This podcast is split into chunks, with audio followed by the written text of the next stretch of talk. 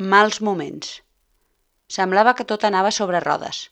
Semblava que el meu camí cap a la recuperació anava en línia ascendent i que no estava fent cap pas enrere. Però si ara mateix us diuen que una persona amb anorèxia ha aconseguit curar-se en menys d'un any, sense cap recaiguda i sense cap moment difícil, us ho creuríeu? Suposo que és possible i que fins i tot algú en deu haver sigut capaç. Però en el 99% dels casos aquestes coses no passen. Com en tota la vida, en aquest procés hi ha entrebancs. Quan penses que tot va estupendament, pam! Reps un cop o t'adones que no tot era tan bonic. Doncs el cop va arribar, i mai més ben dit. Us poso en situació. Si recordeu bé, abans deia que cap a l'octubre els professionals que m'ajuden em van donar llum verda a tornar a córrer. M'ho vaig prendre amb calma, de veritat. Però sóc com sóc, ho reconec, i al cap d'un parell de mesos em vaig tornar a emocionar tot i que aquesta vegada la nutrició sí que anava acord amb el meu requeriment energètic i ingeria el que necessitava. Per l'esport que feia, és clar. Ras i curt, no m'estava primant i em mantenia en el pes. Això ho sé perquè, tot i que jo no em pesava a casa sota cap circumstància, sí que ho feien tant la terapeuta com el nutricionista cada vegada que tenia visita. La meva curva de pes es mantenia. Però, com deia, em vaig tornar a emocionar amb uns amics ens vam apuntar a fer una mitja marató. I no qualsevol, la mitja marató de Berlín. Ni més ni menys. Segueixen sent 21,97 metres, com totes les mitges maratons del món mundial, però Berlín és una ciutat màgica de l'atletisme popular. A més, no només era la cursa en si, sinó l'experiència de viure un cap de setmana amb amics i família. Tenia tots els ingredients per ser un dels moments més màgics de l'any. Aquí el tema complicat no era la córrer la cursa més o menys ràpid, no m'hi anava la vida. No calia fer una marca en concret i no passava res per anar només a gaudir en comptes de competir. Per molt que ho intentés, primera, primera, el que es diu primera, no quedaria. Vaig decidir, de fet, que els entrenaments me'ls pautés un entrenador, per no flipar-me i per evitar lesions. Però el problema real seguia estant allà la poca flexibilitat i la tenacitat per aconseguir tot allò que em proposo, no acceptar que no faig el màxim possible per arribar a la meta de la millor manera possible i no provar-me a mi mateixa per veure fins a on puc arribar, encara no ho he aconseguit. Sempre necessito anar més enllà. I m'acabo passant. L'univers o la casualitat van decidir llavors enviar-me un altre missatge – això he volgut pensar, almenys, perquè si no, hauria de pensar que sóc una desgraciada per la mala sort que he tingut fins ara amb les carreres importants que m'he marcat. Entrenar dues vegades per córrer una marató i finalment no disputar-la en menys d'un mes de que celebri és, dit sense embuts, una putada de les grosses. Tot això ho dic perquè just quatre setmanes abans d'anar a Berlín, degut a que sóc una persona maldestra i que fa les coses de pressa i corrent, em vaig donar un cop molt fort amb un pom de la porta intentant anar d'un punt a un altre de la casa més ràpidament del que seria recomanable. Al principi em pensava que no seria gran cosa, però després d'unes hores encara em feia bastant mal. El cop me'l vaig donar a les costelles, una altra vegada, sí. Però en aquest cas a l'altre costat hi ha unes que s'anomenen costelles flotants. Fins llavors no ho sabia, però una contusió a aquesta zona es veu que fa molt mal i desafortunadament ho corroboro. Sincerament vaig pensar que m'havia tornat a trencar, ja que necessitava antiinflamatoris per poder passar els dies i, òbviament, no podia ni córrer. Em moria de dolor quan ho intentava. El dia següent del cop tenia planificat córrer una hora, però al llevar-me ja vaig veure que alguna cosa no anava bé la tossuderia va fer acte de presència i fins i tot vaig esmorzar per sortir a fer el que em tocava. Però mentre em menjava el plàtan, una suor freda va començar a recórrer el meu cos i el cor se'm va accelerar. M'estava agafant un atac d'ansietat? La meva ment ho va interpretar com la manera que tenia el meu cos de dir-me que ni de broma anés a córrer, prou de fer bestieses. Tot seguit vaig anar al llit, em vaig estirar, vaig plorar i em vaig posar a veure una sèrie fins l'hora de preparar-me per anar a la feina. Vaig passar un dia de merda. Necessitava saber si m'havia trencat algun os o no. Vaig anar a que em fes una radiografia el dia següent i per sort tot es va quedar en un cop, en un ensurt. La doctora em va dir, això sí, que tingués paciència. El dolor em podria durar bastant. Quan era bastant, vaig pensar. En quatre setmanes tenia la mitja marató de Berlín Era un molt mal moment per parar d'entrenar.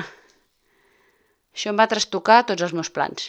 I just aquí és on tinc jo el meu principal mal de cap i origen del problema. No puc acceptar que el que jo he pensat i estructurat per aconseguir un objectiu no es pugui dur a terme tal i com jo ho he planificat. Per tant, el camí que jo havia traçat per arribar a la cursa s'havia de modificar. I això m'angoixava profundament.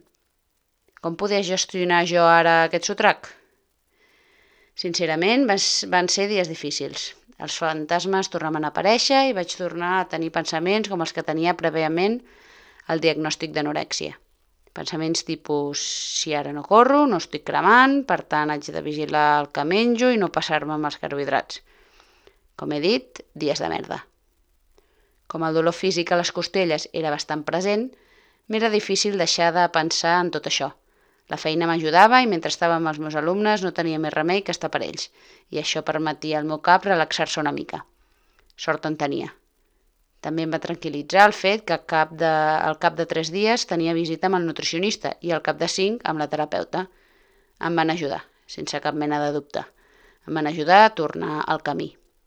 No em van jutjar i el Nutri primer em va deixar clar que el més normal és que de tant en tant hi hagi petites recaigudes – el més important era adonar-se de les conductes negatives que estava tornant a tenir, ser conscient que el cap m'estava tornant a passar males jugades i ser capaç de tornar a seguir les pautes que m'ajudaven a millorar. Amb la terapeuta vam treballar en com em sentia, en veure quines emocions i conductes em feien voler tornar a tenir-ho tot controlat i què podíem fer per flexibilitzar. Tot això em va fer veure que no era viable seguir amb el pla que jo tenia al cap per després de la mitja. Volia aprofitar el meu estat de forma per fer la Marató de Barcelona, just un mes després. Però aquest episodi em va deixar clar que mentalment i sobretot emocionalment no estava preparada per entrenar i gestionar les emocions de córrer 42 quilòmetres al ritme que jo m'autoimposava.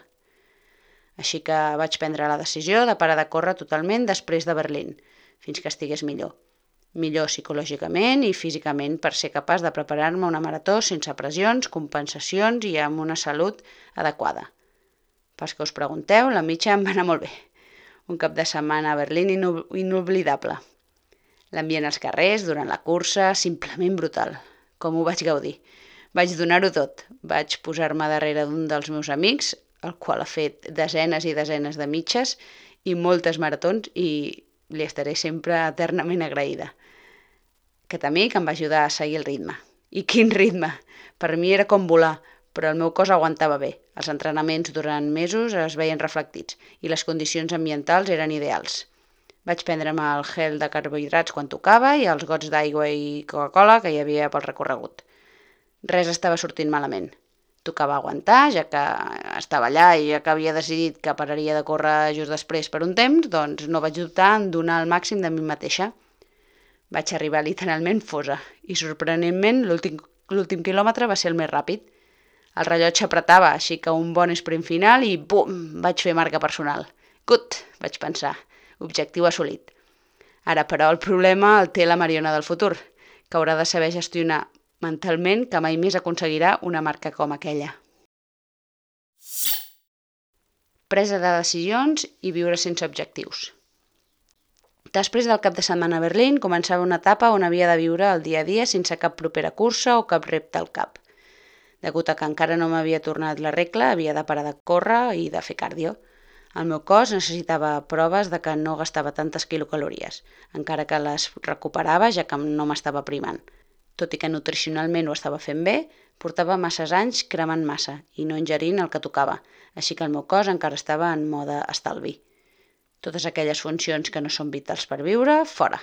Així és la manera que té el meu cos eh, en reaccionar per poder seguir vivint. La decisió estava presa. Res de càrdio fins que tornés a estar sana.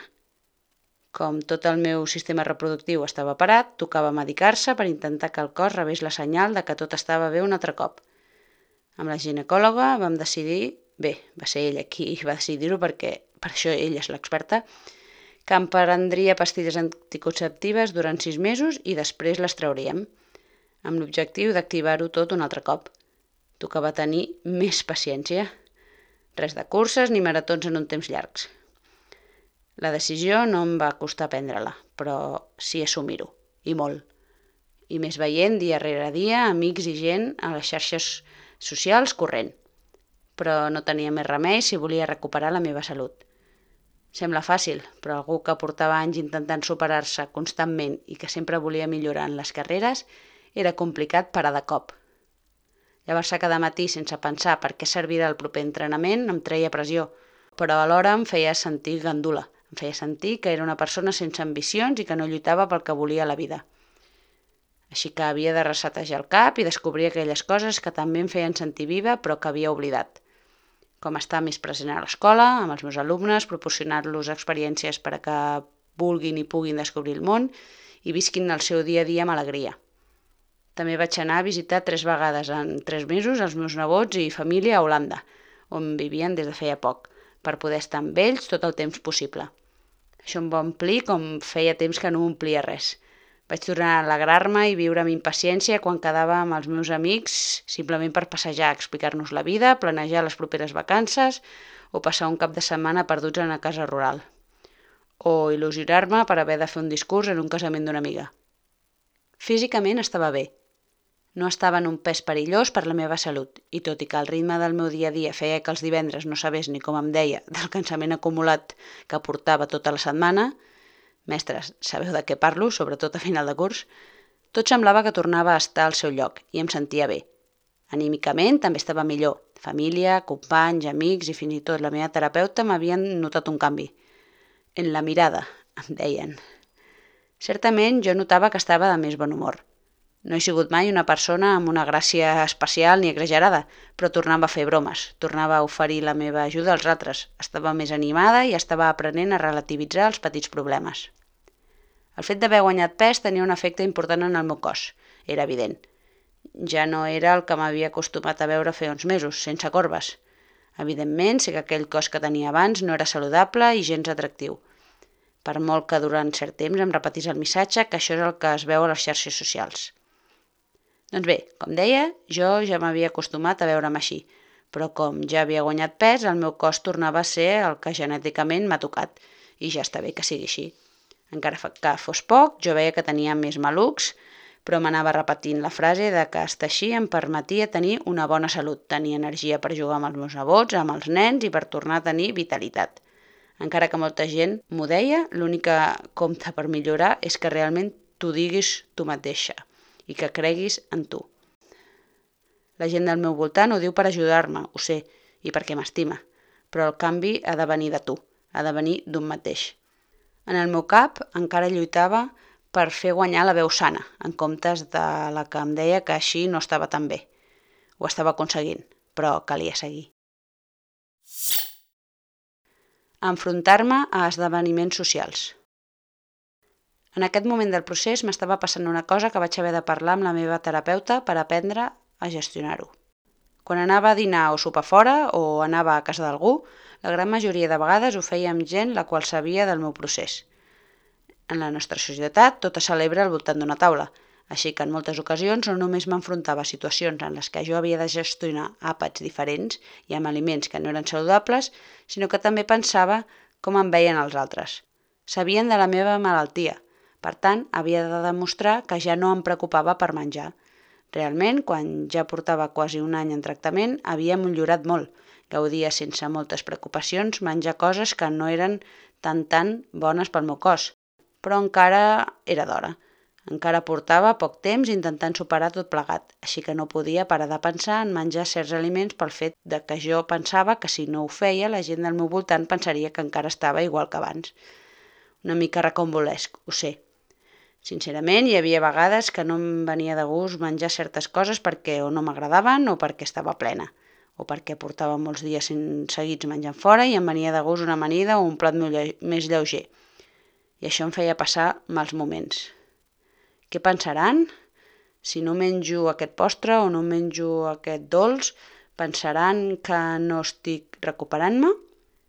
Per dir que no un gelat, un croissant un bombó perquè he dinat molt i no m'hi cap res, ara em diran alguna cosa? No els volia decebre, però el meu tractament no tracta de menjar coses no saludables tots els dies i sense control. La clau està en tenir uns bons hàbits adquirits per poder gaudir dels moments bonics al voltant del menjar sense remordiments i menjant el que em ve de gust. Realment el que em ve de gust, però sense compensar.